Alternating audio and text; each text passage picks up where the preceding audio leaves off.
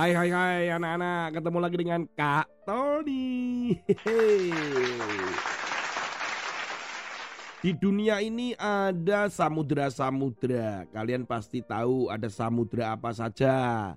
Memang salah satunya adalah Samudra Indonesia.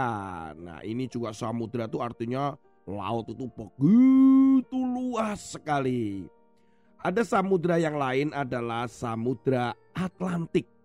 Samudra Atlantik ini kira-kira nih ya jauhnya nih dari ujung ke ujung pasti lebih dari 3000 mil atau sekitar 4828 kilometer.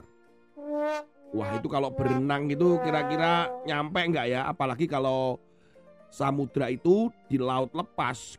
Wah itu gelombangnya itu luar biasa sekali, mengerikan anak-anak. Tetapi samudra yang jauhnya 4828 km ini bisa diseberangi oleh seorang kakek. Wah, wah. Seorang kakek bernama Frank Rodwell berusia 70 tahun, warga Oldham, Inggris berhasil menyeberangi Atlantik dan dia menjadi orang yang tertua yang dapat menyeberangi Atlantik.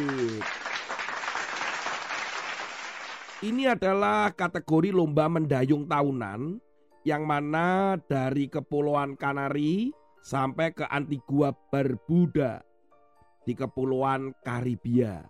Dia berhasil menyelesaikan mengarungi Atlantik itu dalam waktu 56 hari, 2 jam dan 41 menit. Hampir dua bulan itu. Nah, dan ini nggak rame-rame anak-anak. Kakek Frank ini sendirian loh. Kemudian ngapain itu ya tiap hari mendayung kapal. Kemudian di malam yang gelap sendirian. Tapi kakek ini semangat sekali anak-anak. Semangatnya itulah yang membuat kakek ini bisa menyelesaikan mengarungi atau menyeberangi Samudra Atlantik. Apalagi kakek Frank ini menyeberangi Laut Atlantik ini untuk membantu atau mengumpulkan dana bagi orang-orang yang tua-tua itu yang sakit Alzheimer. Di mana akhirnya si kakek ini sampai diberitakan berhasil mengumpulkan uang 883 pound sterling atau sekitar 1,2 juta dolar. Kalau dirupiahkan berapa Kak Tony? 17,1 miliar rupiah. Apalagi ada berita kakek Frank ini ternyata dia adalah orang yang pernah sakit kanker prostat tetapi sembuh. Mengapa ya kakek ini kok bisa sembuh, kemudian bisa menyeberangi Samudra Atlantik? Karena semangatnya itu loh anak-anak. Luar biasa. Orang itu kalau semangat, wah kesulitan apa pun atau masalah yang dihadapi pun akan dilewati. Apalagi kalau anak Tuhan seperti kalian dan Kak Tony. Karena sumber penghiburan kita itu adalah Yesus Kristus. Karena ada roh kudus yang menghiburkan kita juga.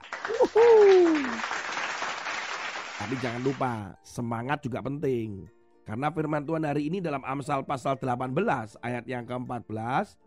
Orang yang bersemangat dapat menanggung penderitaannya.